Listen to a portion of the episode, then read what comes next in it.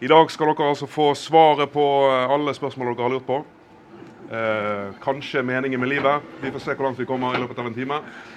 Eh, I hvert fall så heter dette arrangementet 'Den plastiske hjernen fra molekyler til bevissthet'. Eh, og som, som arrangør står Selskapet til Vitenskapens Fremme. Og vi arrangerer i gjennomsnitt ett sånt eh, åpent møte en gang i måneden. Både på høsten og på våren. Eh, det går rundt en gjestebok som vi gjerne vil at dere skal skrive dere inn i. Hvis dere har lyst til å oppgi e-postadresse, så kan dere få lov til det. Um, yes. Da har vi eh, två to samtalepartnere som jeg skal eh, prøve å eh, kontrollere eller la være. Vi får se hvor godt hjernen deres funker. Uh, ehm, første ehm, eh, deltaker er Clive Bramman fra eh, biomedisin. Han er altså, har et blikk på hjernen som eh, biolog. Er det korrekt? Han skal få lov å korrigere meg sjøl. Ehm, og han er også vår eh, uh, stedegne leder for The Moon Research Center for Plasticity and Neural Circuitry Dynamics in the Brain. Eh, sammen med nobelprisvinner eh, Mozart. Så assosiert nobelprisvinner Clive, velkommen opp. Takk, takk. Eh, og vår andre deltaker i denne samtalen det er Kenneth Hugdal. En eh, påle i mitt forskningsfelt, i hvert fall. Og han er professor i Nå er du vel emeritus? Yes, dessverre. Yes, I biologisk psykologi. Og han ser hjernen fra en litt annen vinkel, nemlig gjennom eh, sine psykologiske briller som han faktisk har på seg. Eh, og han har eh, forsket, eh, eh, viet mye av sin forskerkarriere til å studere verbale hallusinasjoner i schizofreni. Så da vil jeg ønske Kenneth også opp på en stol her. Takk.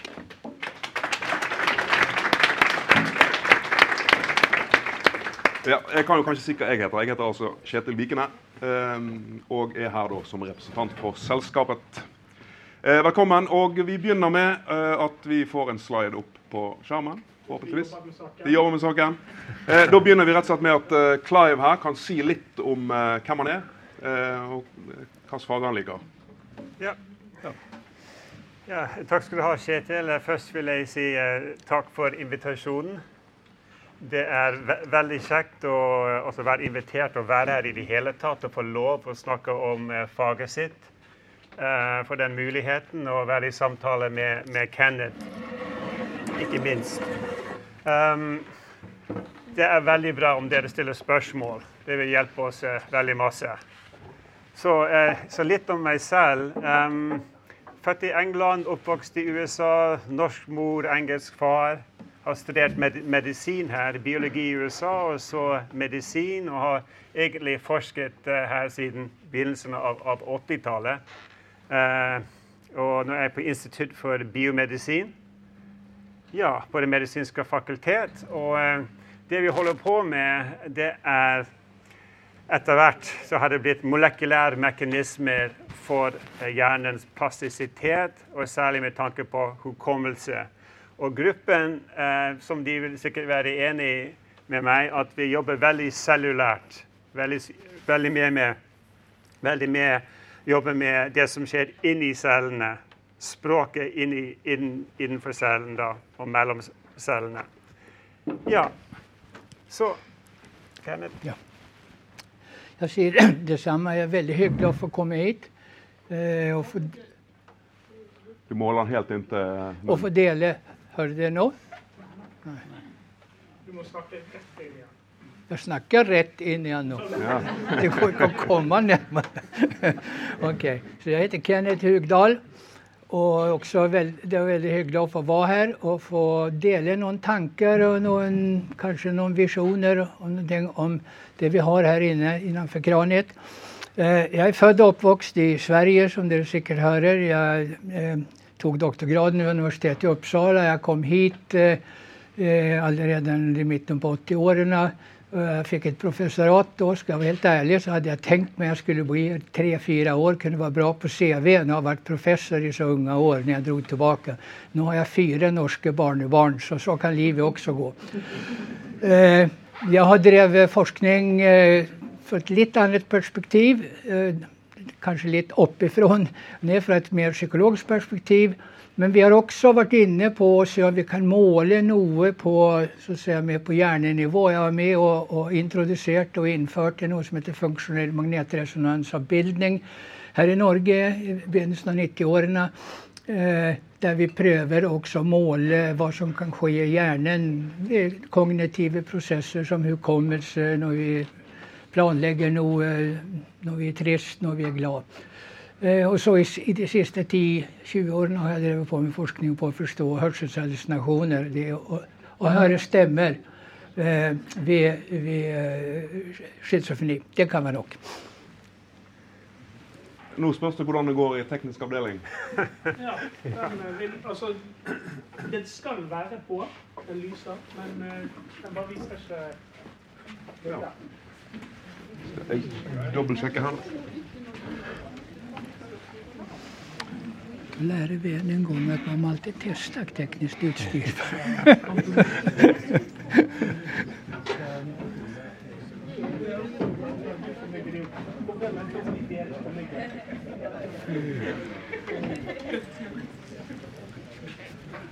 Men varför har vi den? Har inte vi mygg? Til publikum. Jag har ju mitt på. Ah, ja, det är upptag. Ja. Mm.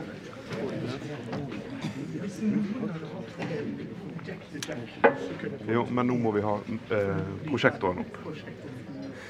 Hallo? Der, den fikk jeg litt. Nu är vi där. Sånn, så får du bare holde i den, og så får du dele, dele på. Ja. Begge deler. Ja. Ja, Funker ikke det noe? Det lite respons, men ja. Eh, skal de ha hver sin? Eh, Vi har bare de to der. Ja, ok, Så jeg må låne en av de. Då brukar jag den då. Da bruker du Ja, den. okej. Okej, så ska vi se. Så må du fortelle hva vi har på skjerm. Ja, det ska vi göra. Vi har switchat tillbaka till ett hack längre Ja, bak. Sånn. Sånn. OK, så eh, jeg tar det, dette Vi har ett slide der som vi skulle vise. Um, det, jeg tror det er noen likhet, likheter mellom de. Det vi prövar egentlig få fram här, så i, som dere så i titeln, det är eh, vad det spänner från det molekylära världen till höjda hjerneprosesser. alltså hukommelse, hjernebevissthet, eh, som man är intresserad i. Och, eh, ja, jag pleier å vise denne sliden til medisinstudenter eh, väldigt ofta som ett utgångspunkt. Så Du ska få litt, eh, lite eh, bredare eh, blick på før de sätter setter i gang med studiet. Um, altså 45,94 sekunder. Hva betyr det noe for, noe her, for noen her? Kanskje det. Uh, men for de som er int- interessert i friidrett og, og løp, de vil kanskje huske at dette tallet det er nemlig verdensrekorden til Karsten Warholm, som var satt i, i eh, uh, Tokyo-OL. Uh, eh, og i forbindelse med det så har man mange assosiasjoner, minner, om den begivenheten. Han har sin egen personlige minne.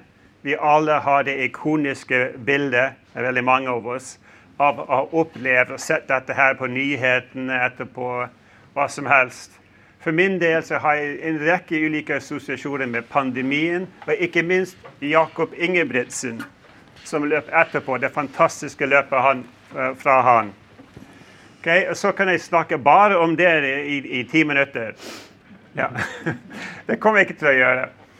Eh, men alltså den, den upplevelsen då som blir till en minne, en fysisk minne okay?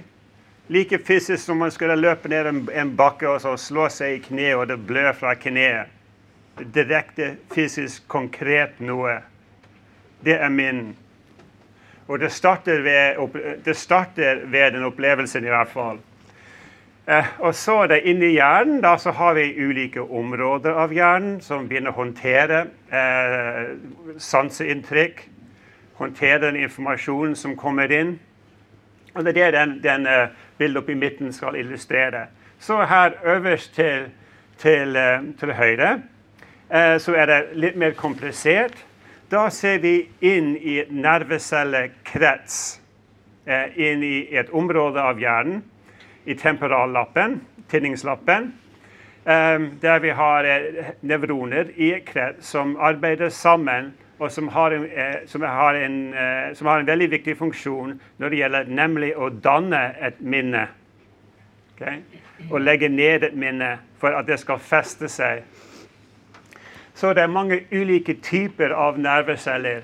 Och vart nervcell har, eh, de har olika egenskaper. inte bara hur de ser ut, men hur de uppför sig. Deras elektrisk aktivitet, så kallad aktionspotentialer, impulser som de har, nervimpulser. Så hvis vi da går videre og ser på komponentene inni en sånn krets, akkurat som det går på en måte går videre inn i en radio. Sant? Ja. Eh, så har du da de ulike spillere.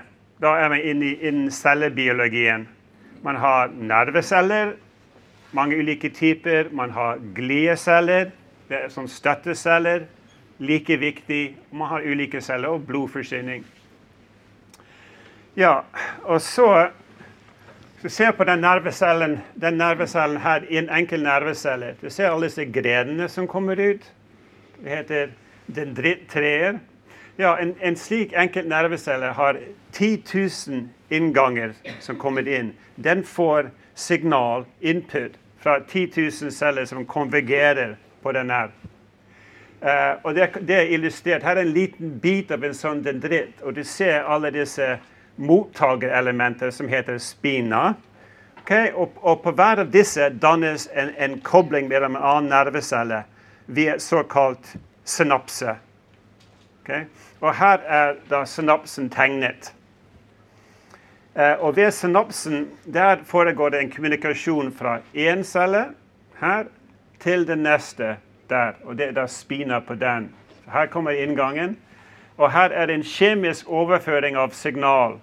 Først så får det en rask puls, aksjonspotensial, elektrisk. Og det fører til at man får en frisetning av en nervetransmitter som diffunderer bort og binder til helt spesifikt til, eh, til proteiner som er reseptorer som svarer på denne nervetransmitteren og kan, kan eh, føre til at man får, at man får en videre eh, elektrisk respons. Men ikke bare elektrisk, och så kemisk. Kemisk signalföring in i cellen. Okej, okay. för att uh, detta här ska huskas så är det icke nog att bara neurotransmitter kommer och du får en, en, en liten respons. Det må till med signalisering eh, helt ned in i cellkärnan, in i här. Långt där går det. Helt in där, där har du cellkärnan, där har du generna att man skrur på genaktivitet. Um, uh, och, och hvert gen da vil sørge for produksjon av ja, en eller flere proteiner. Uh, og dannelse av disse proteiner uh, er da viktig for den hukommelsen. Så her for, der går vi videre til uh, faktisk en molekylær atomisk struktur på et protein som vi tror er veldig viktig for hukommelse. Det er en som, som, den som vi, som vi arbeider med. Det heter ARK. Det har ikke så mye å si. Men i hvert fall her, her ser man på enkeltmolekyler og strukturen på det proteinet som blir altoppslukende for de som jobber med det, og prøver å finne ut hva i all verden Hva som skjer hvis jeg endrer den ene, eh, den, den ene eh, aminosyren på proteinet. Hva er det da som skjer? Sant? Ja, for det er faktisk sånn cellen virker. Ja. Jeg sa, Nei, jeg skal bare sette én kjemisk gruppe akkurat der, og det er utrolig viktig at, at det skjer. Det har alt å si. Alt å si. Eh, ja, så, nå, så har vi har vårt protein, men jeg ser ikke Karsten Warholm noe sted. Ja, sant? Så, da, så da er det tilbakeveien, egentlig. Og det, vi, det, det, er- det meste forstår vi jo ikke, sant? men du har pr- proteinet. Det vil kunne påvirke gjerne eh, plastisiteten i synapsen, styrken som denne her har. Hvor, eh, I hvilken grad den er, er klar til å overføre signal. F.eks. hvis man ble presentert av- av et bilde av Karsten Warholm, at man husker sammenhengen i det hele tatt, at det var OL eller Ja, sant. Eh, så en plastisk ending skal til for å, å feste denne, denne minnen. Men jeg ser ikke Karsten Warholm her heller. da. Så då må man träcka det eh, vidare tillbaka in innenfor, inn til nevronale krets. och till, eh, til eh, ja, eh, samhandling mellan olika områden i hjärnan som är i stånd till, till att och, och, och, och få fram de associationer som man hade. Ja, idrottsutövare som satt alene på rummet sitt i många veckor och prøvde att holde konsentrasjonen før de skulle røpe. OK, så eh, det var egentlig det, det jeg hadde for min innledning. Ja. Eh, takk. Da kan eh, du kan få lov å snakke om eh, din Ok. stige her. Kan vi skifte til den? Skal jeg ta den? Ok. Da må du ha. Og så skal jeg huske å snakke sånn. Eh, her er et bilde, en, en figur som egentlig vi laget til en helt annen kontekst. Konteksten var å forstå eh, hörselhallucinationerna, det, det vill säga stemmer som egentligen inte existerar hos patienter med schizofreni. Eh, som dere säkert har hört eller läst om eller känner till. Och det jag tänkte mig och tänker mig var att Hallucinationen manifesterar sig på olika förklaringsnivåer. Men vi forskare vi älskar att vara på ett nivå, eller kanske på två nivåer. Men fenomenen vi studerar har egentligen en över väldigt många olika domäner. Eh, så när jag skulle förbereda mig till att komma hit så tänkte jag med plasticitet kunde man tänka sig någon sorts tillsvarande grad kan vara applicerbart på den här modellen. Som går från ett kulturellt eh, ner in i ett molekylärt eh, nivå som vi har hört eh, eh, eh så alltså Clive beskriva eh, akkurat nu. Så jag tänkte jag skulle helt kort kommentera hvordan vi kan se på plasticitet fra de ulike forklaringsnivåene. Men før det eh, tenkte jeg å si Ordet plasticitet kommer fra gresk og, eh, plastos eller plastikos og betyr 'det som kan formes'. Og Der ligger allerede en sorts eh, hint om hva er det egentlig vi snakker om når vi snakker om plastisitet. Det er någonting som formes, og det er någonting med hjernen som er formbar. Eh, som ett kuriosum kan man säga att ordet plast kommer faktiskt från det samma ordstammen. Och plastmassen, eh, som vi alla vet, den kan formas egentligen till, till stort sett exakt vad som helst. Så det stora spörsmålet är, kan hjärnan, kan människan också, har vi en oändlig tillpassningsevne? Så att vi kan hela tiden tillpassa oss omständigheterna när de förändrar sig. Eller finns det några begränsningar Eh, och sker den tillpassningen i någon sorts kritiska perioder i utvecklingen eller försiggår den över hela livsförlöpet? Och om den gör det, sker den kategoriskt? Är den alltid helt lik för yngre, för barn som för äldre? Eller sker den kontinuerligt mer eller mindre? Eh, en annan ting är, må man träna, må man genom träning för att uppnå plasticitet? Karsten Warholm, han har tränat. Men har han också en sorts eh, automatisk eller medfött evne som sammen med träningen skapar något? Och då går vi igenom hela den här att Karsten Warholm befinner sig där uppe någonstans men det kan ju vara att begränsningen sitter här nere. Eh, sen är det också så att när vi snackar om plasticitet så är det som att vi alltid tänker att plasticitet är bra. Plasticitet är någonting som kommer till. Det tillför någonting, det är läring. Man kan inte översätta plasticitet med läring i någon vid betydelse. Så spörsmålet är, finns det också negativ plasticitet, dålig plasticitet? Det kan vi kanske komma tillbaka till. Om man ser på kulturella nivåer, helt kort nu, lite grann om, om nivåerna. Eh, så står vi ju idag i samfundet om en stor plasticitetsomställning. Vi går från ett analogt till ett digitalt samfund med allt vad det medför. Och det kanske största nu är artificiell intelligens, robotar. Om 50 år kanske vi ser tillbaka och ser att när våra barn och barnbarn satt med mobiltelefonerna som vi är så bekymrade för vill det ses på som lite naivt. Den stora ändringen ligger i framtiden, i, i den nära framtiden med algoritmerna, med artificiell intelligens. Har vi en tillpassningsävne för att ta till oss det också? Mitt svar på det är nog faktiskt ja. Så kan vi diskutera det. Men i utgångspunkten ser jag ja till det, för det har vi sett genom hela historien. Det finns egentligen ingen begränsning som a priori eller som vi kan predikera för framtiden. När jag har sagt det så må vi också huska att det är de mänskliga handlingar som skapar omständigheterna som i sin tur omskapar människan. Det är någon sorts djupt filosofiskt problem innebyggt i det här. På det kliniska nivån så ser vi att exempelvis schizofreni, de har en, en, en annorledes utveckling av deras hjärna i kritiska perioder. Där i den barnets utveckling av hjärnan så har vi faktiskt för många nervceller och inte för många, men väldigt många fler nervceller när vi föds i de första månaderna. Också kopplingarna mellan de och de synapserna. Så i de första levnadsåren så sker det en form av be beskäring. Omtrent som när vi tar grensaxen och vi beskär rosebuskarna på våren. Det heter på engelska pruning, ett faguttryck som betyder att beskära. Det är också så att nervcellerna i den nyfödda hjärnan är inte på rätt sted.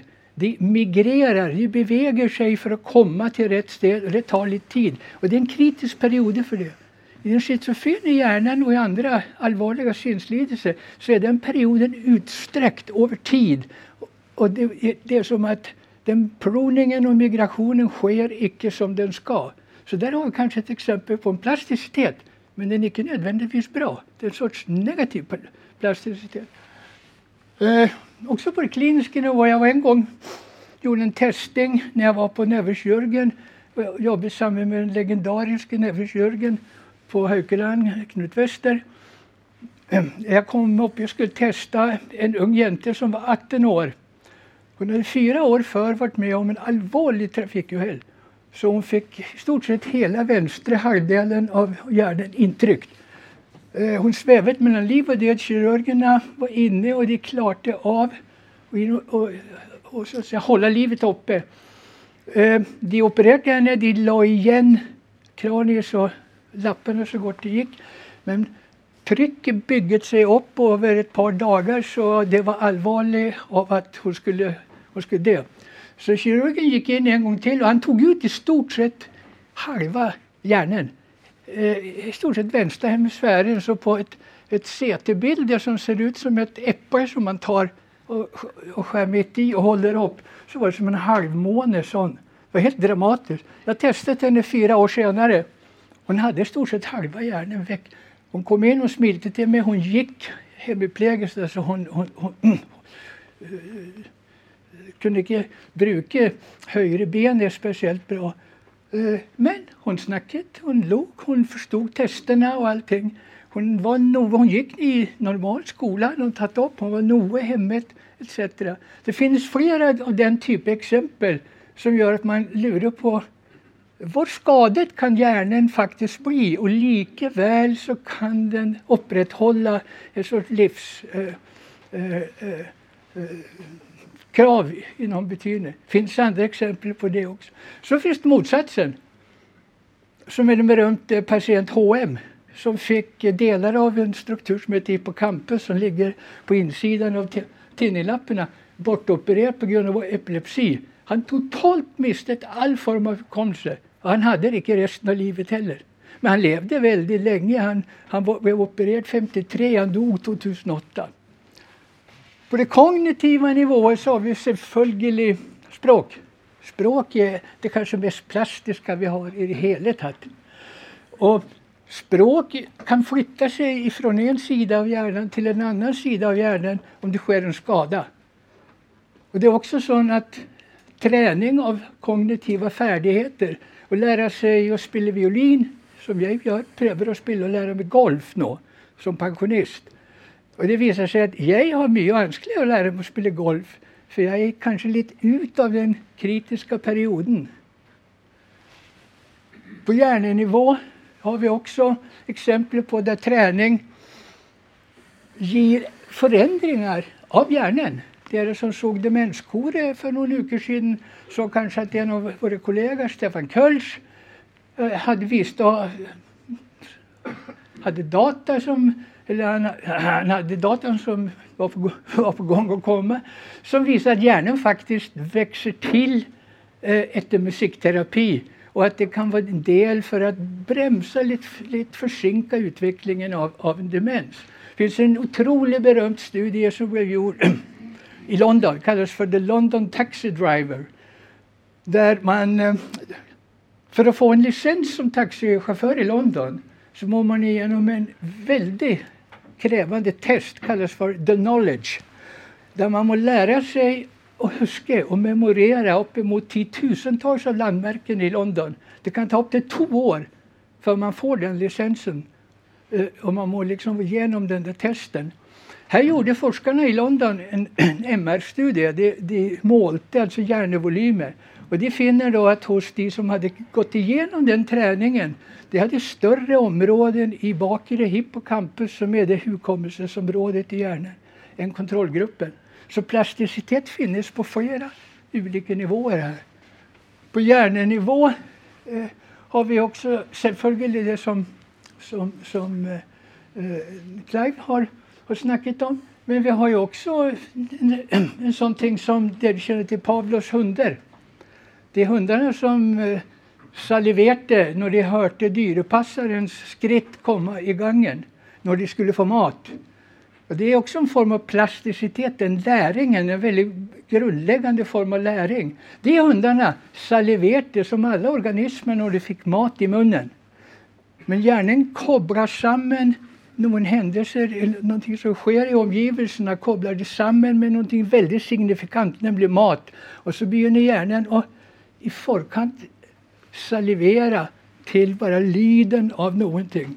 kallas för en, en betinget respons eller betinget reflex.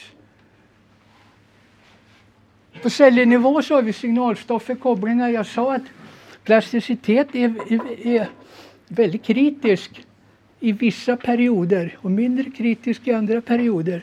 Så vi har den här formen av avskalering i nervsystemet och där nervceller beväger sig eh, för att, för att finna de områdena där de ska göra jobben sen.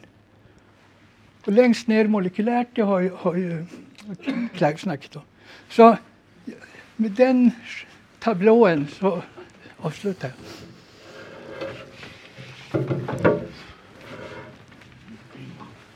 Må vi bruke denne mikrofonen, så blir det kanskje ikke en samtale, men en mikrofonutveksling. Vi forlater det som er, det er stafett. Vi kan ta den här.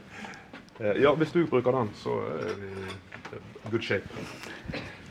Yes, eh, Utfordringen som dere har fått eh, av eh, selskapet i dag, da, det er å ta oss fra molekyler til bevissthet. Jeg kan kanskje begynne ballet med å begynne i feil ende. Og si at OK, vi endrer på oppdraget. Vad sa du? Vi endrer på oppdraget. Jaha. Ja. Jeg må begynne i en litt annen ende for å få dere litt varme i trøyen her. Eh, fordi at dere har snakket nå begge to om hjernen som eh, påvirkelig. At vi, den blir formet av våre erfaringer, den blir formet, kan bli formet av ulykker, den kan bli formet av eh, eh, avvik i utvikling osv.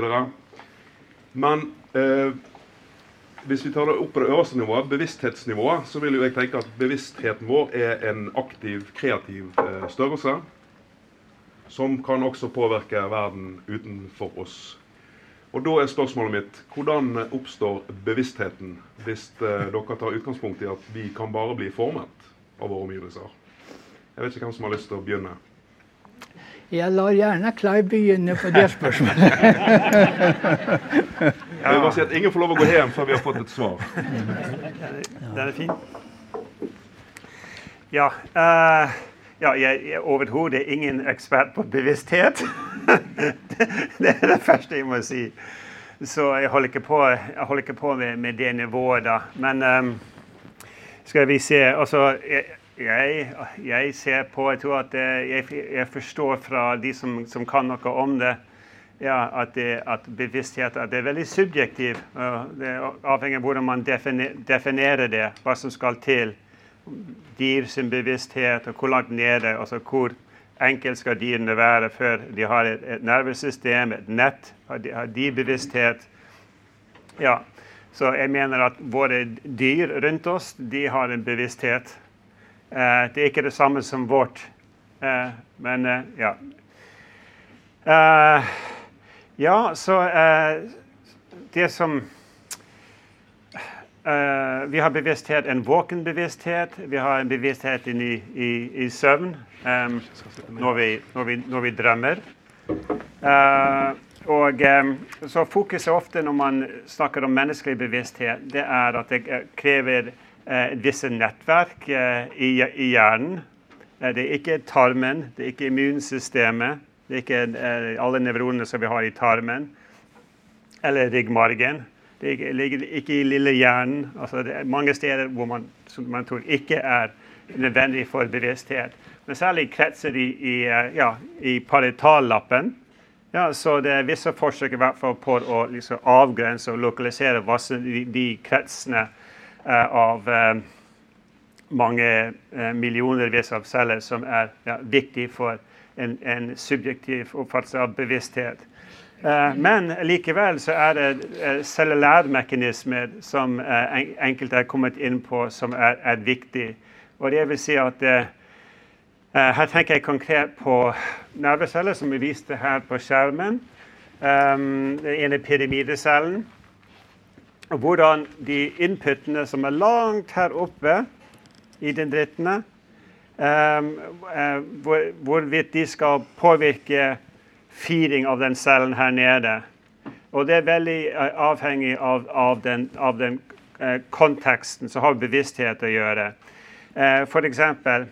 at man har um, Hvis man f.eks. ser for seg en, en, en, eh, et, ja, et, et glass med vann, eh, så man får et synsinntrykk av, av det glass med vannet. Men eh, den upplevelsen, upplevelsen av det har med, har med sammanhangen att göra. Och där är det, där är det associationer och, och minnen och emosjonelle intryck. Um, ja, hvor- hvor- hvorvidt jeg er tørst. Kanskje jeg trenger liksom, å, å, å eh, ehm, um, få litt vann i, i halsen da, nå. Uh, eh, så i den, i den sammenhengen, det vi vil utgjøre det bevisstheten for akkurat den episoden jag tar med en, slurk med vann. Uh, så i förbindelse med, med en um, operation, du är på sjukhuset uh, och du går under anestesi, då är det på det cellnivå brudd mellan de avforente input, de ingångarna som är här uppe, och själva elektriska feeding av den cellerna här nere.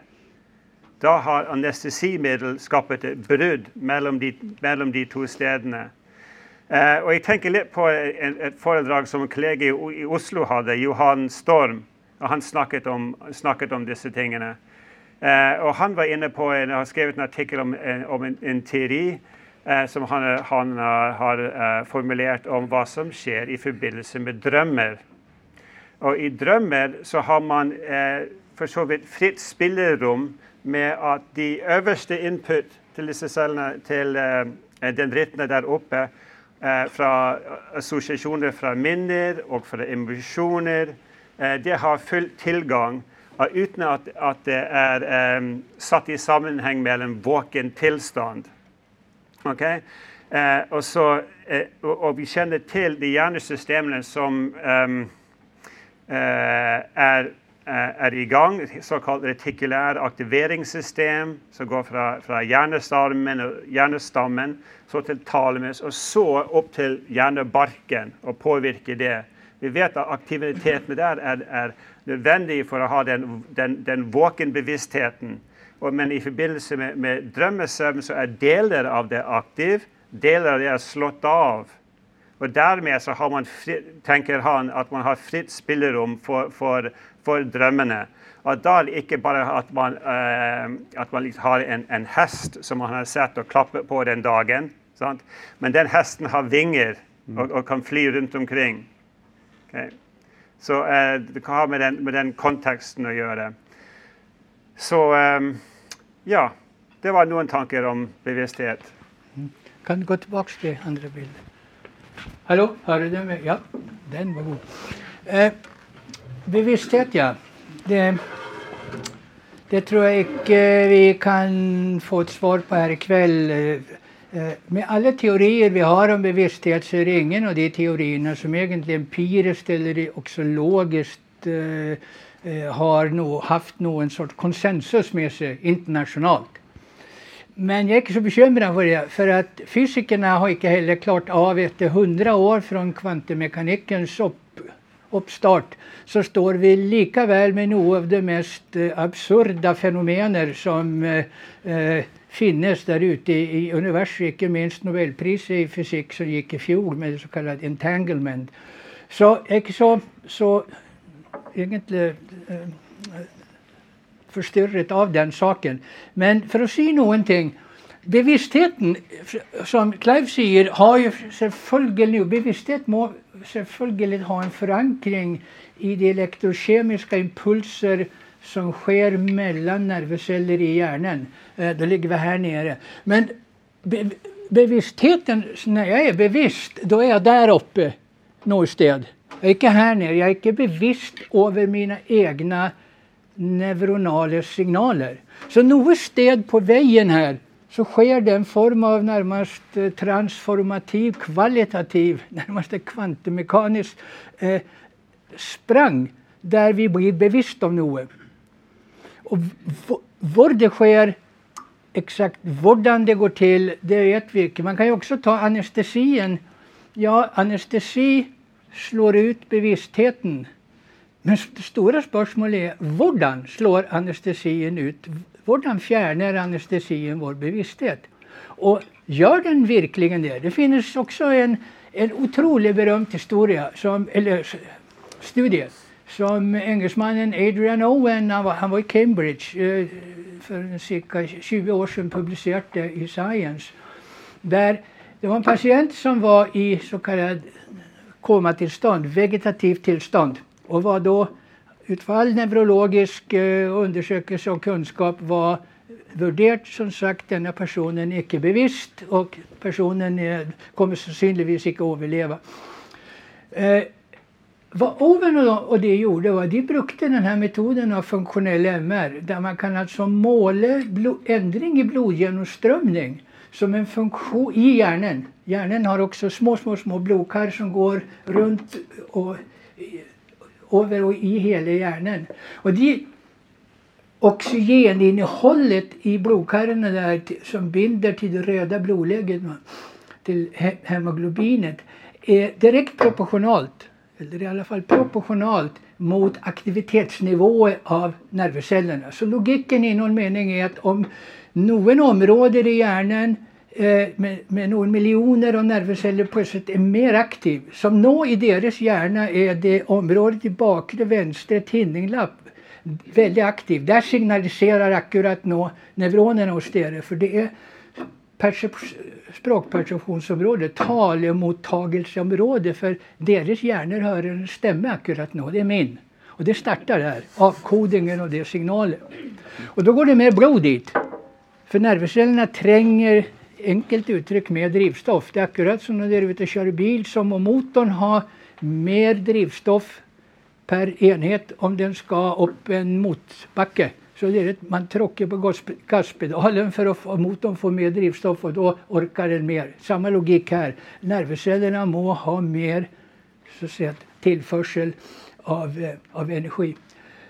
I, med den metoden kan vi alltså se då i hjärnan, vanligtvis i den friska hjärnan, då, eh, var sker aktiviteten till, till gitte kognitiva uppgaver som om en uppgave att man ska huske något, något, man får se på något, man hör något, man ska lägga samman total. tall. Kan vi måla och se på vad som sker i hjärnan. Det Adrian Owen gjorde, den patienten som var vegetativ och i koma, blev lagt in i en sån MR-maskin. och så fick hon instrukser verbalt. De snackade till henne. Och så Föreställ dig att du spelar tennis. Hon hade varit tennisspelare. Och så fick hon kontrollspörsmål eh, också. Och det visade sig att det området i hjärnan som normalt ville styra racketen och spille med, eh, på en tennisbana plötsligt lyser upp. De bad henne att gå runt i stuen sin och navigera sig eh, runt där. Eh, och så plötsligt ser man att då flyttar sig aktiveringen till det område som normalt vill vara aktiverat när jag går runt eller jag tänker mig. Det här var jag tom för instruktionen att tänka sig de tingen. Så spörsmålet är var hjärnan bevisst likväl? Var den klart av att göra de tingen.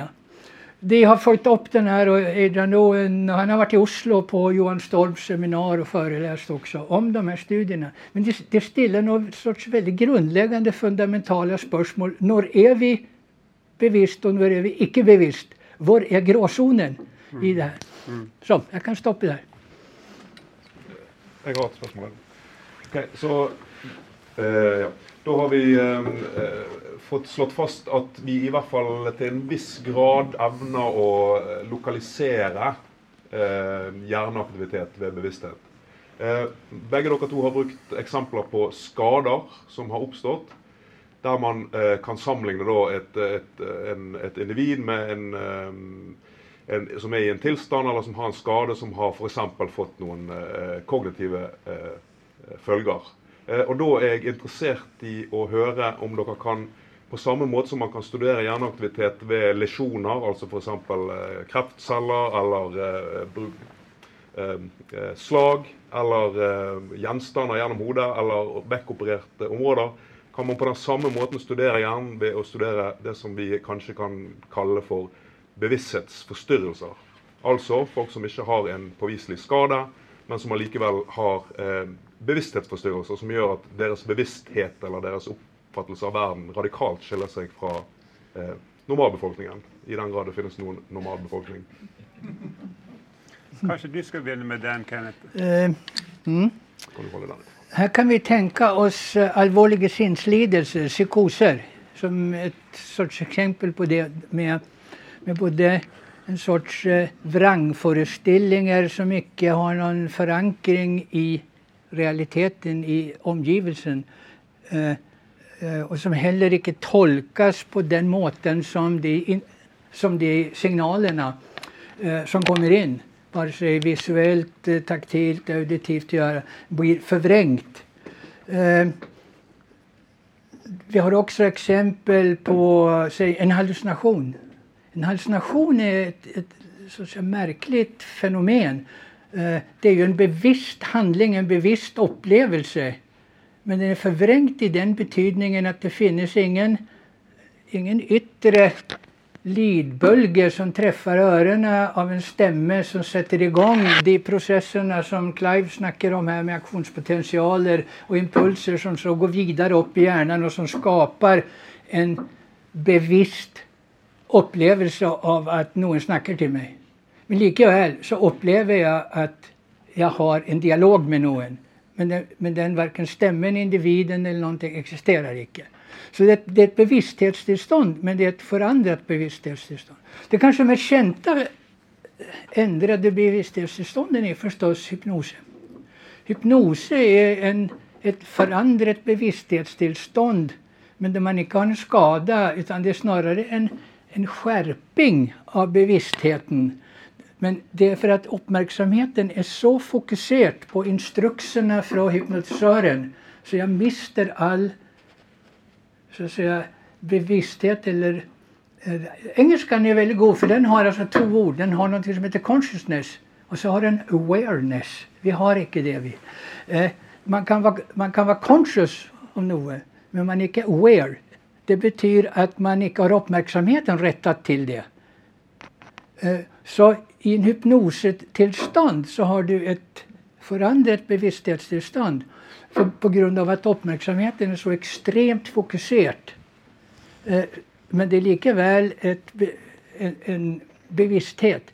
Om det sen sker någonting i omgivelsen så flyttar vi uppmärksamheten till de tingen. Vi, vi är stadigt är vi i, i dagens samfund, när vi, i vardagslivet, så eh, förändrar vi ju vår, vår bevisst i en kvantitativ mening vi är på saker och ting. Där är alla väldigt bevisste på mig akkurat nu. För nästan all uppmärksamhet som det har är rättad mot mig.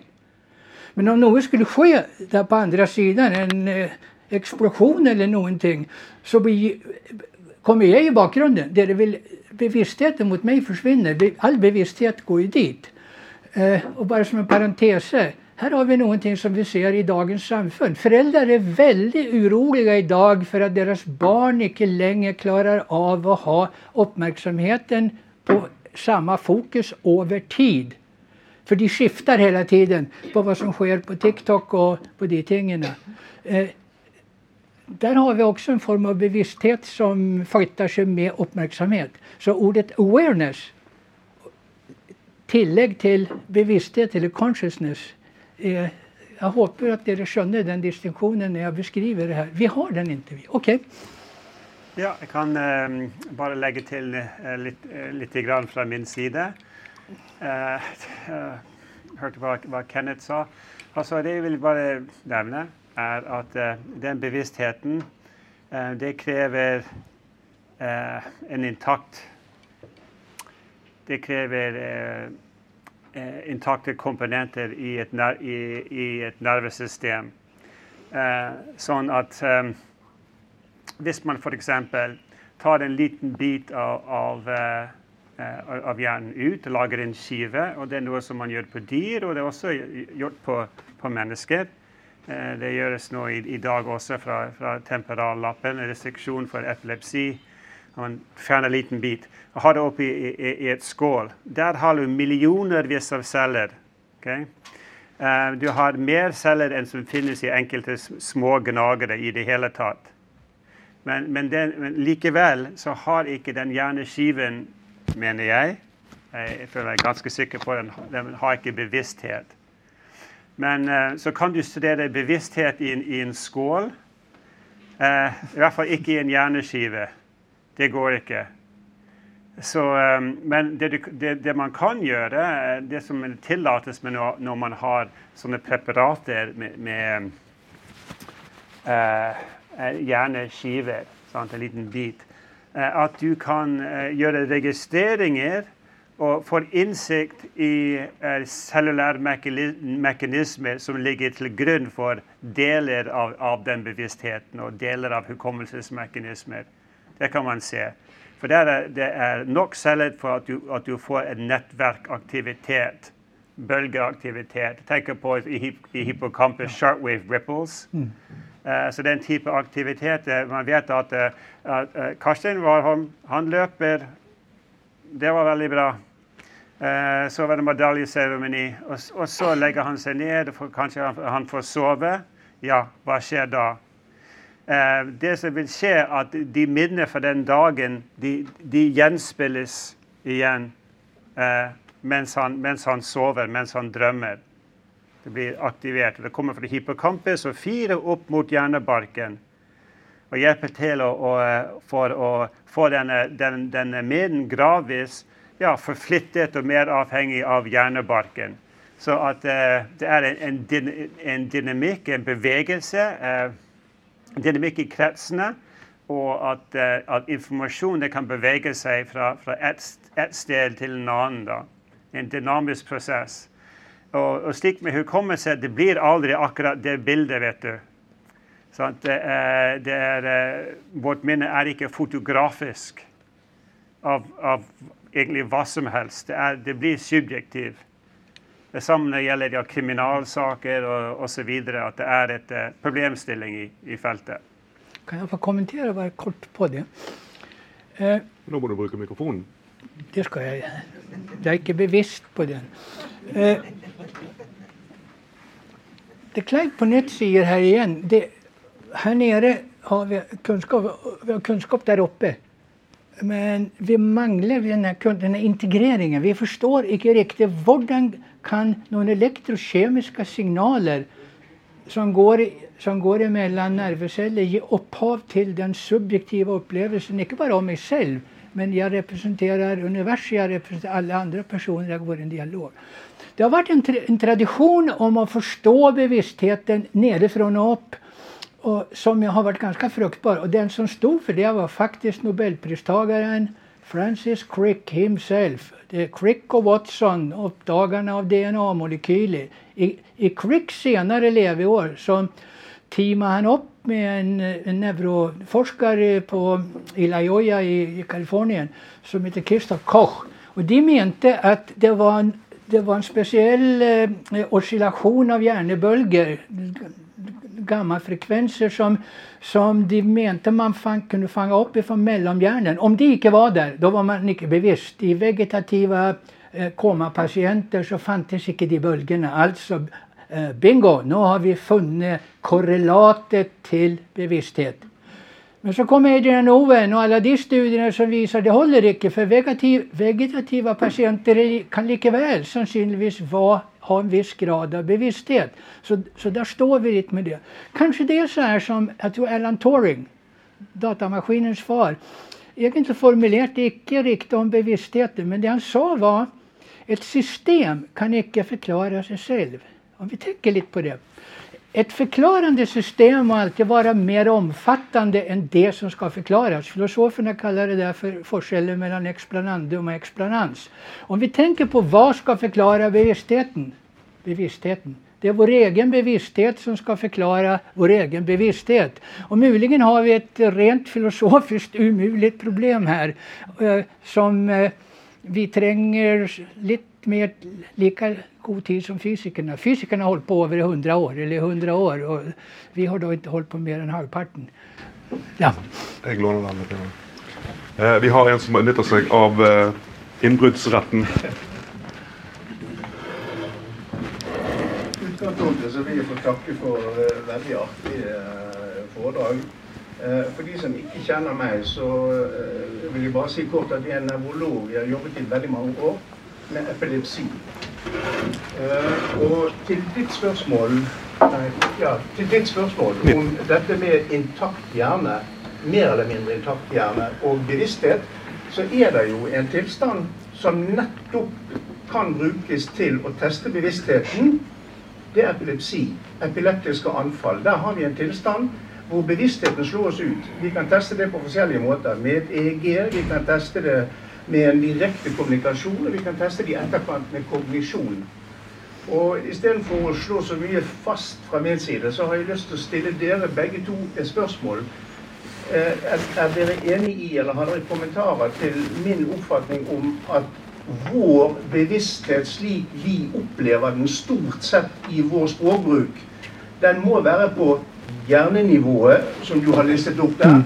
Den må være på nivå med nettverk, og den må kunne testes ut i kognitive funksjoner. Det er det eneste målet vi har, sier en nevrolog. Ja, ok. Men det er et spørsmål til det. Kan jeg begynne på det? Uh, Ja, väldigt intressant. Eh, och jag är enig med det. Det må ligga någonstans där. Men vi har, vi har framdeles den, den där kvalitativa transformeringen med det vi förstår och det vi kan måla eh, som lika väl är det något som undgår oss när det kommer till själva upplevelsen av bevissthet.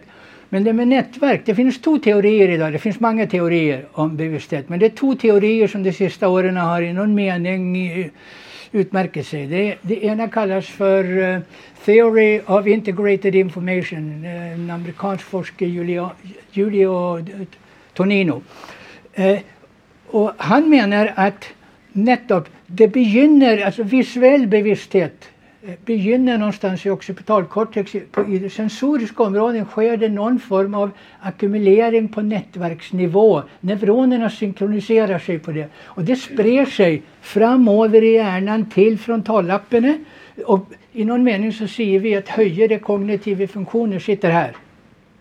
Så bevisstheten uppstår i den interaktionen mellan nätverk som går i den, här, i den riktningen som jag sitter. Så finns det en motsatt teori som eh, fransmannen Stanislas Dehaene och en som heter BARS står för som heter The Global Workspace Theory. Det är inte så viktigt namnen Men de går direkt motsatt väg. De menar bevisstheten startar här och så sprider den, spred den sig nerover in i de lavare hjärnområden och aktiverar då till exempel syncellerna.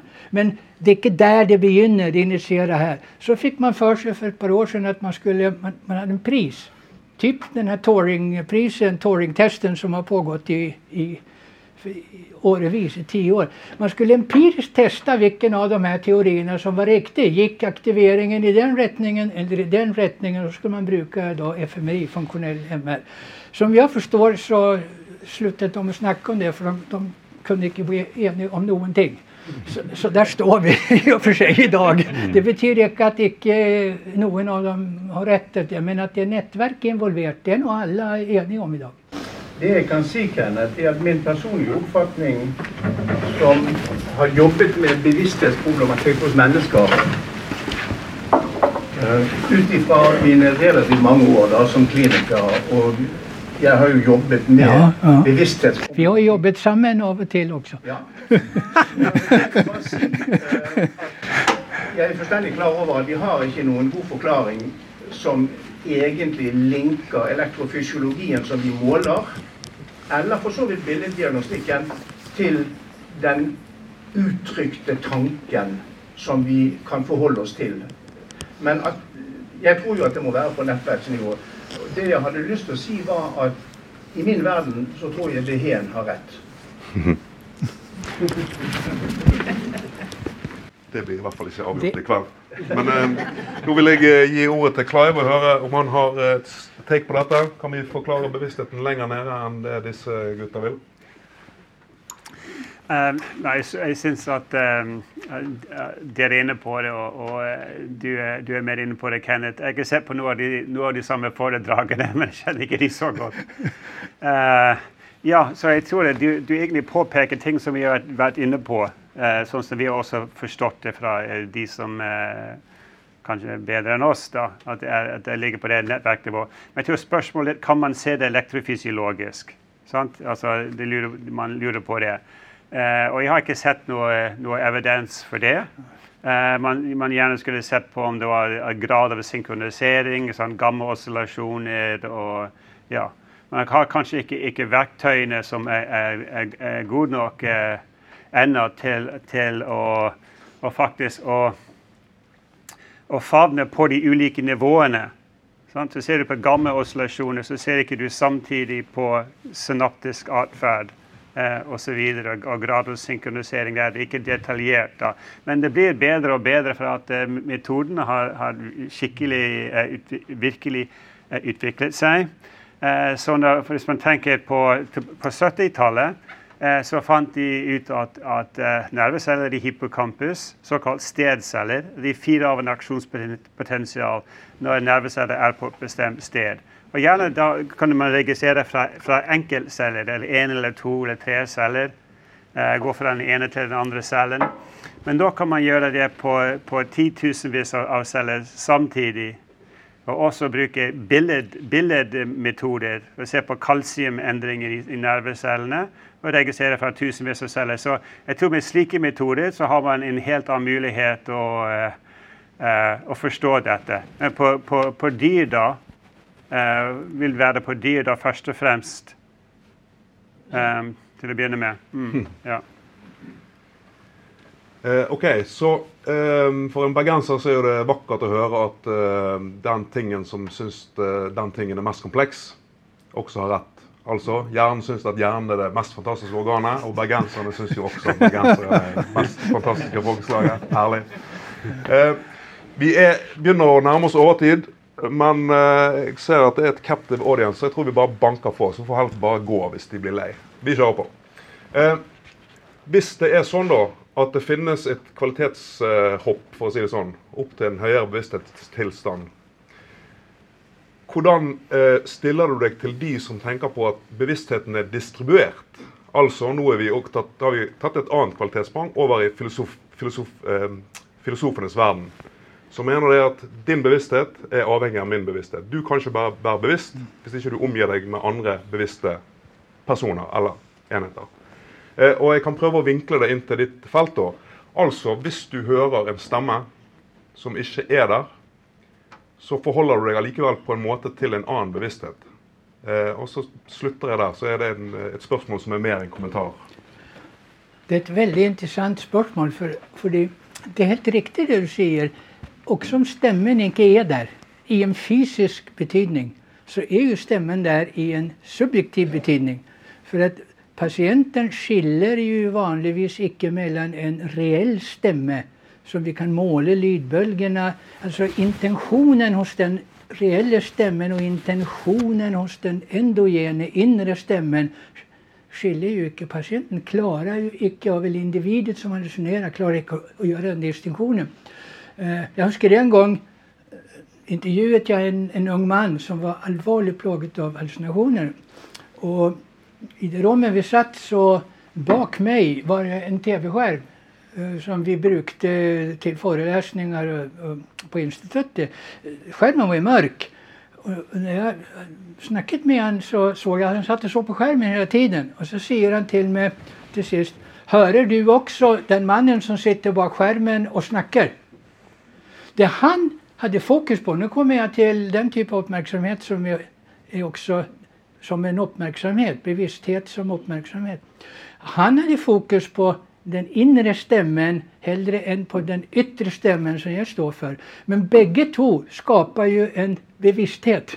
Och bägge två är bevisst för individen. Mm. Eh, den ena är inte mer bevisst än den andra. I andra den i vilken grad att det har en tendens till att de inre stämmorna tar överhanden över de yttre stämmorna. Och det är det som skapar ofta det handikappade, problemet för patienterna. Förr i världen när eh, när jag växte upp så i en liten by uppe i Nordsverige så var det alltid, det var två personer där som eh, hallucinerade väldigt mycket och de gick på gatan och de skrek och de hade så, och, och håll käften skrek de och hade så. Folk, till och med, jag min mor sa, du får inte gå i närheten av dem där. Eh, att det var rätta mot oss. Men det är ju rätta mot deras inre stämmer som vanligtvis också är väldigt negativa.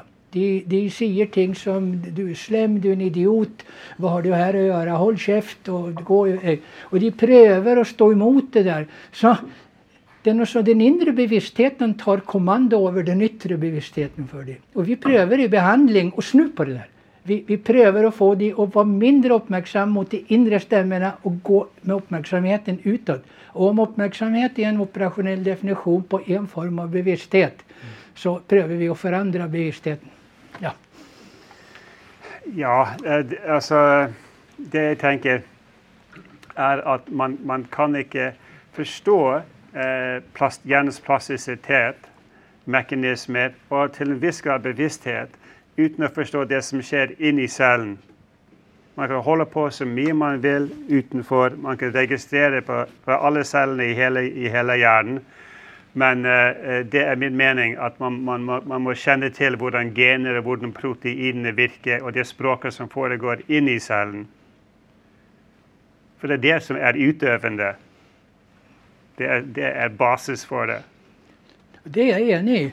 Men det är det som är problemet för oss. För vare sig vi snackar plasticitet, hallucinationer, så visar det sig att de har en tendens och bevissthet. De, de manifesterar sig på de olika nivåerna. Det är omöjligt för en enkel forskare att, att gå där uppifrån, som är socialantropologernas område kanske, till hit ner. Det går ju bara inte.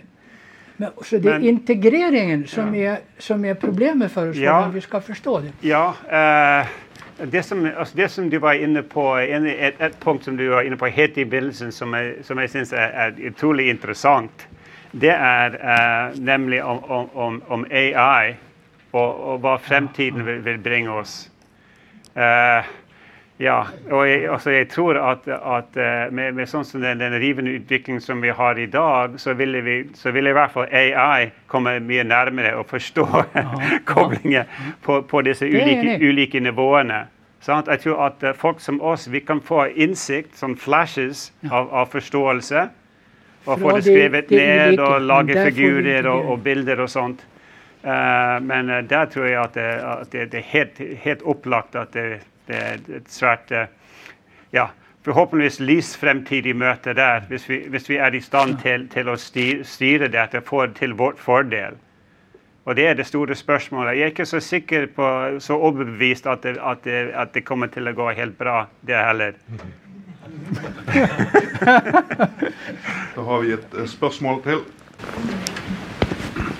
Yes, uh, jeg lurer på sånn i forhold til alder, er en ung hjerne mer plastisk, eller, eller trengs det en viss sånn grunnlagstrening for å være det? Skal jeg begynne på det? Om vi tar språk, så är väl det icke någon tvil om att den yngre hjärnan i en kritisk period i de första levnadsåren har en helt annan dynamik i sig än vad min hjärna har för inlärning och språk. Som jag ser det, så i neurovetenskapens big bang, det är det fødselsøyeblikket. I ett sekund efter födseln så är hjärnan mottaglig för alla språk i hela världen. Det finns ingenting i hjärnan som tillsäger att ett Afrikanskt barn nödvändigtvis som växer upp eh, där skulle icke klara av att lära sig norsk lika gott som ett norskt barn lär sig att snacka swahili. Det är det är omständigheterna som, som shapar oss. Det är plasticiteten. Hjärnan där är i en kritisk period väldigt eh, plastisk. Det vet vi också med skada. Om det, om det sker en skada i, i den eh, vänstra hemisfären hos högerhänta personer, så flyttar ju den funktionen vanligtvis över till högra hemisfären i de första levnadsåren och Så blir det vänsterhänt. Icke på grund av genetiska faktorer som är det vanliga, men på grund av skadan. Så men samtidigt så har vi ju plasticitet över hela livet. Vi har plasticitet i livsløpet. Vi lär oss stadigt nya ting. Så jag tror det är fel att bara fokusera på den, att det är kritiska perioder. Eh, men spörsmålet är om ikke plastisiteten i olika perioder i livslöpet är kvantitativt ulik likväl. Men vi har plasticitet över hela livet. Men det är noen kritiska perioder som ligger lagrat uppe på det. Ja, jag är helt, helt enig med, med Kenneth. Vi, vi undervisar i här bägge två. Ja, så du har, du har kritiska perioder. Eh, och eh, syns, synssparken da for syn, är väldigt gott känt. Eh, men det som eh, också för, för språk, men det som eh, man är inne på nu, det är att det går an att öppna igen en sån kritisk period. ja. Och, och, och, en av de eh, antidepressiva antidepressive eh, är, är er, som indikerar att antidepressiva kan ha en sån virkning. En av, de, en av de faktorene som vi har studerat masse, eh, brain drive neurotrophic factor, BDNF. Ja. Det det tänkt att all, alla antidepressiva egentligen virkar genom den BDNF-receptoren. Ketamin, de klassiska antidepressiva som Prozac och det lykkepillen. Eh, och att BRNF är i stånd till, till, till att öppna den kritiska perioden i, i synsparken. Och det var forskare som å på kanske att det också kan brukas för att ja, hjälpa till i, i, i ervärvning av nya språk som morsmål senare. Så eh, man är inne på, inne på den tanken. Eh, till dels har det med inte nervcellerna, men stoffer runt eh, extracellulärt som låser snapsarna på plats Sånn de kan ikke bevege seg, de er ikke like plastiske som før. Så man tenker at det, det, det kan ha noe å si. Men um, ja, man har hormonelle påvirkninger i, um, i tenåringer og modning av emosjonell mod, modning og osv. Så, videre. så det er ulike stadier til dette her. Men, uh, men helt til ja, Uansett hvor gammel man er, så man, beholder man plastisitet. Ja. Og hjernen bruker nervecellene gjerne på en annen måte, men man har plastisitet. Vi har et spørsmål bak deg, Kenneth. Ja, okay. ja takk. Uh, Inger Piskog, jeg er jo fysiker av legning. Altså, jeg er utdannet ja. fysiker. Uh, og vil bare påpeke at i evighetens perspektiv så er jo det mer sannsynlig at vi er bare en hallusinasjon i en eller annen hjernelignende ting i nærheten av universets varmedød. Eh, Vær Jag god. Jeg, du ha den. Eh, men alltså, när du kommer till dette med tid och bevissthet, eh, så var du Kenneth, inne på dette med anestesi. Eh, och og en interessant ting der som jeg har hørt, det kan, Dere vet jo mye mer om dette enn meg. Så har jeg fått høre at en av de tingene som anestesi kan gjøre, er at man mister tidsbevisstheten sin. Altså Hvis man sover, så våkner man, så føler man gjerne at det har gått en viss tid. Men en del anestesipasienter kan altså Når de kommer opp fra anestesien, så føler de ikke at det har gått en tid. Eh, I hvilken grad har tidsperspektivet påvirkning på bevisstheten vår? Kjetil. uh, ja, jeg vet, jeg vet ikke om jeg skjønner spørsmålet. Da. Bare Um, svar på noe helt annet. ja, svarte på noe helt annet. Gör som politiker. Ja, ehm, ja man, man, man, man ser at eh, ja, hvis, man, hvis man har skade til hjernen, eh, ulykker, så, har man, så får man en, ehm, et minnetap for ak akkurat den, den perioden. Så blir det et, et tidsgap. Eh, I hvert fall. Jeg vet ikke om det ligner på noe som du, som du er inne på der, da. Nei, altså, jeg tenkte litt mer sånn, altså, hvordan er det altså, Dette med altså, tid det, Vi sitter jo opp liksom sånn at vi skal hut- altså, Hvem er vi sjøl? Altså, hvem er en bevisste meg? Så trekker jeg gjerne inn liksom alle minnene og hvordan jeg har utviklet meg. og altså, De forholdene der. altså, eh, Hvordan kommer minnene inn på utviklingen av den? Ja. Får jag kommentera Da er jeg det? nødt til å spørre. Kenneth, hører du også han som sitter bak deg og snakker?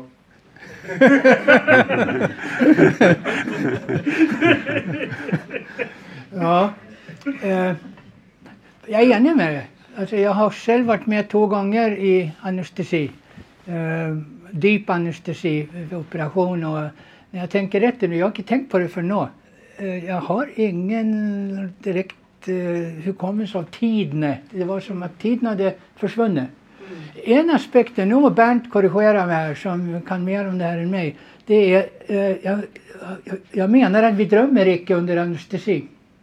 Och kan drömmarna ha något med det bortfallet av tidsaspektet att göra?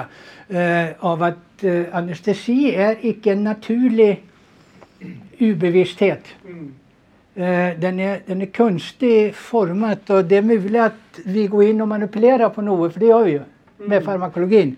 Eh, som gör att eh, något försvinner möjligen eh, i, i den normala bevissthetstillståndet. Och tid kan vara en sån aspekt. Det är väldigt intressant spörsmål. Jag har bara några subjektiva erfarenheter. Du må vente. Jeg har bare et spørsmål om traumer og plastisitet. Altså, man vet jo at folk som er utsatt for traumer, har eh, kanskje problemer med konsentrasjon, læring og type ting. Er det noe spesielt med disse syns, eller disse inntrykkene fra traume som, som dere kan si noe om?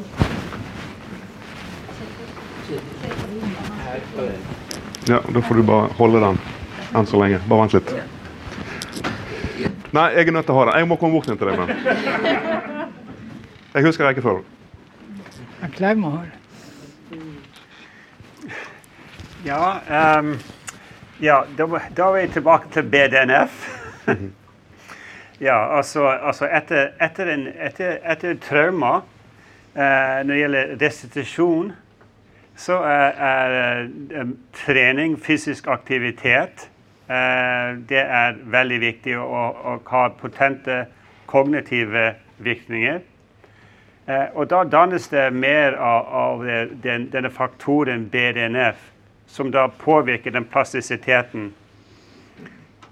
Och, och det är gärna i, i, i kombination med terapi, så kan man få en mer, en mer eh, gunstig em, adaptiv, alltså konstruktiv ad, adaptiv eh, ändringar i, i nätverk som eh, är ja, helbredande, eller som ökar funktionaliteten etter en trauma.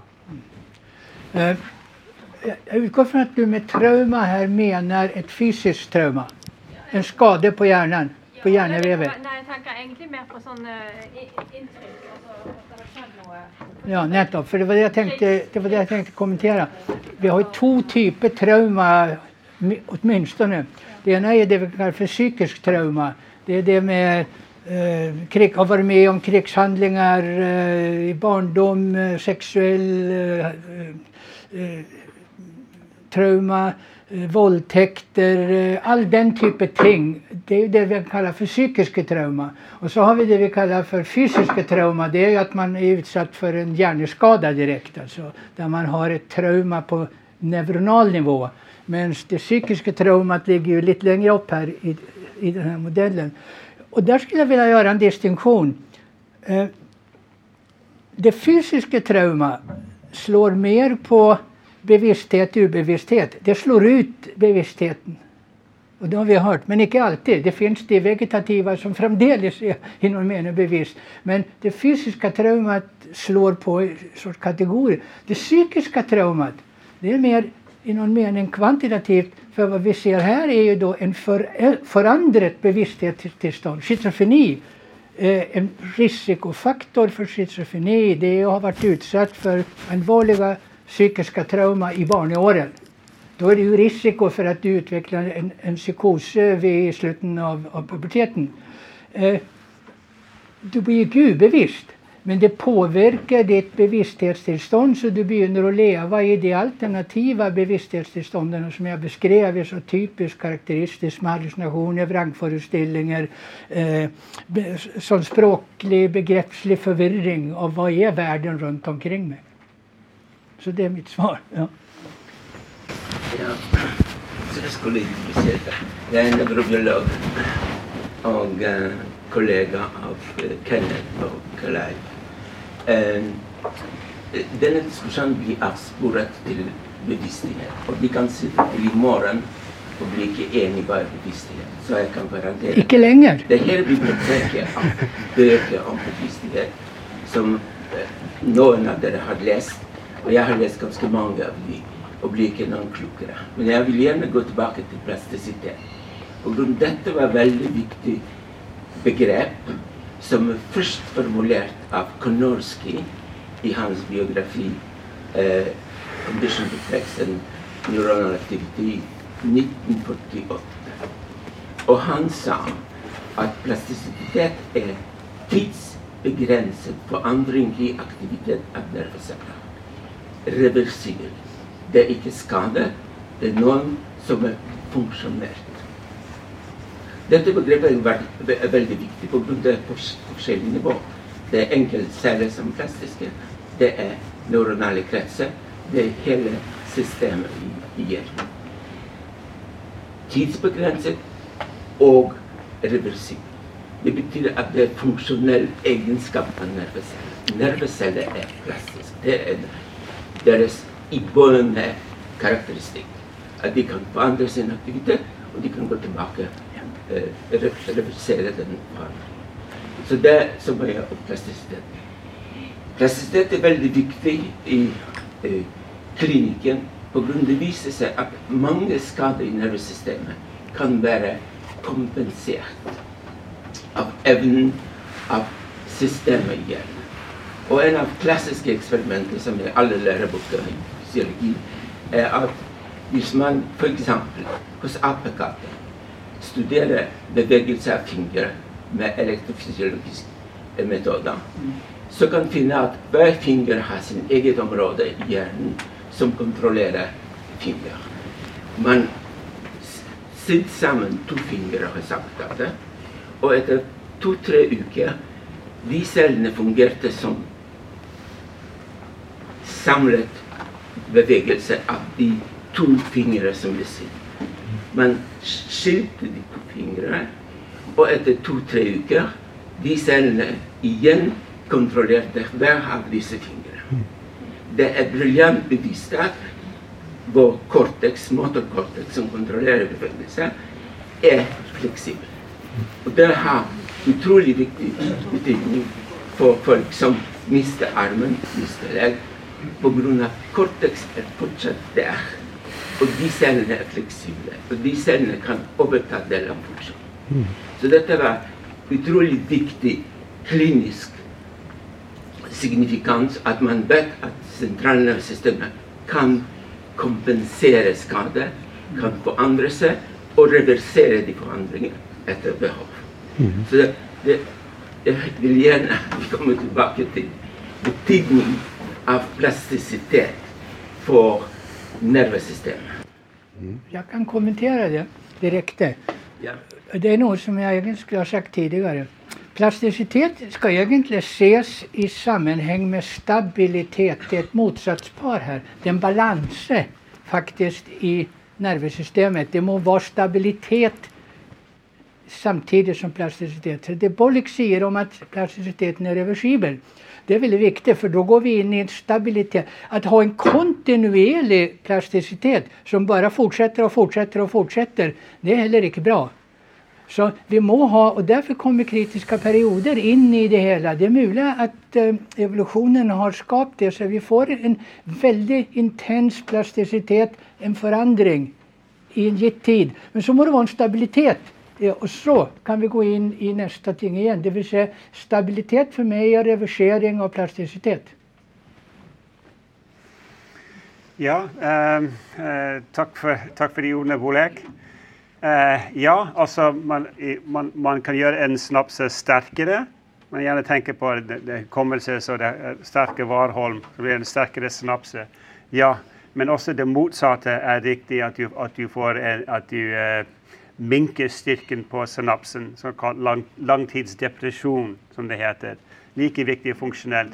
Så, så den ena kan brukas till att reversera den andra så det, det är eh, eh, reversibelt. Men det är på mikrosynapsenivå, så det är ett mikron stor, kämpeliten och väldigt vanskligt att studera. Och in i de synapserna är det en molekylär maskin som man prövar att förstå. Och I schizofreni är, är många, av de, många av de proteiner som är där, de funkar inte helt riktigt. Okay? Och det är proteinmaskin som, som inte funkar. Och det är svärt intressant för den farmaceutiska industrin att kartlägga detta här.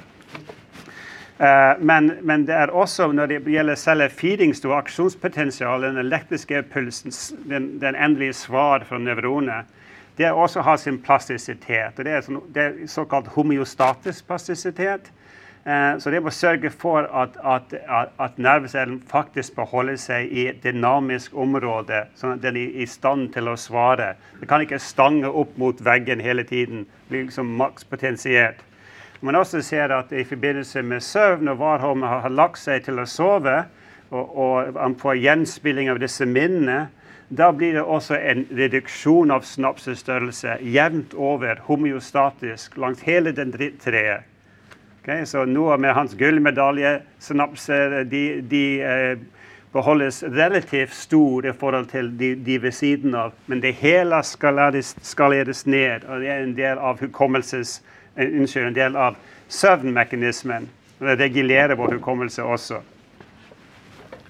Eh, da har vi holdt på i en eh, spille, spillefilms eh, hastighet og tid. Så vi skal avrunde. Hvis det er noen som brenner inne med et eh, godt spørsmål, det spørsmålet må være godt. Ja, det kommer et her bakfra. ja, det, nå er det skyhøyt. Jeg bare lurer på hvor ble det av Karsten Warholm? ja! Han løper i dag. For å forstå hjernen så måtte du på en måte forstå det cellulære, og ikke bare det, men også det molekylære. Men ja. finner man Karsten Warholm i det molekylære, eller er det veien å gå for å på en måte eh, prøve å finne ut av Karsten Warholm?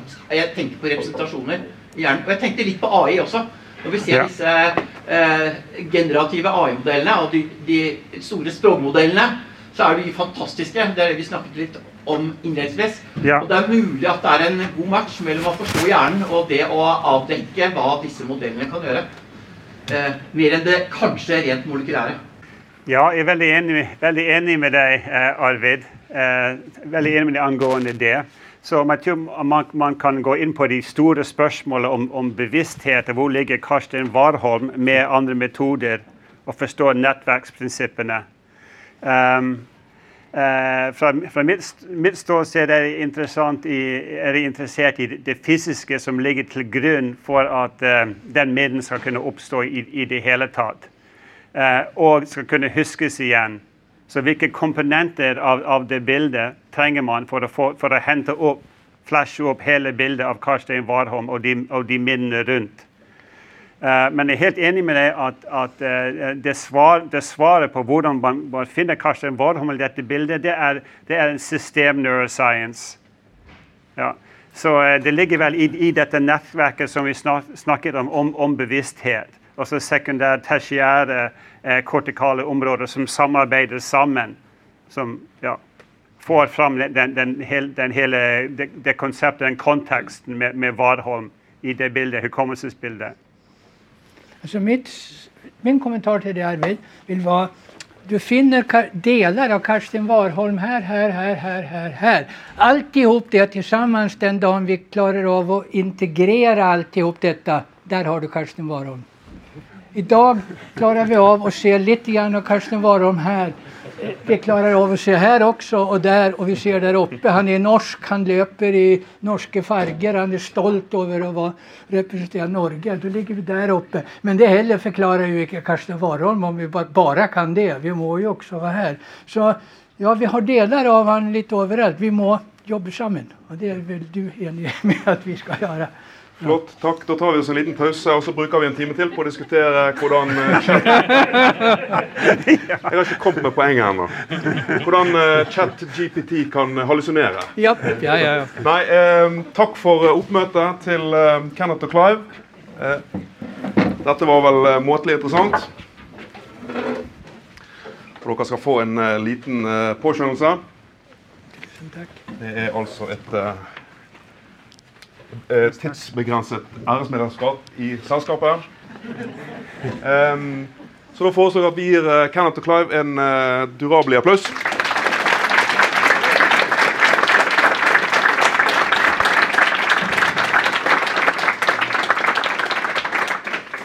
Du har nå lyttet til et opptak av et arrangement i regi av Selskapet til vitenskapenes fremme. Arrangementet ble holdt ved Kristi kafé på Naturhistorisk museum ved UiB den 15. februar 2023. Arrangementet var en samtale mellom Clive Brahman, professor i biomedisin, og Kenneth Hudal, professor emeritus i biologisk psykologi. Samtalen ble ledet av Kjetil Vikene.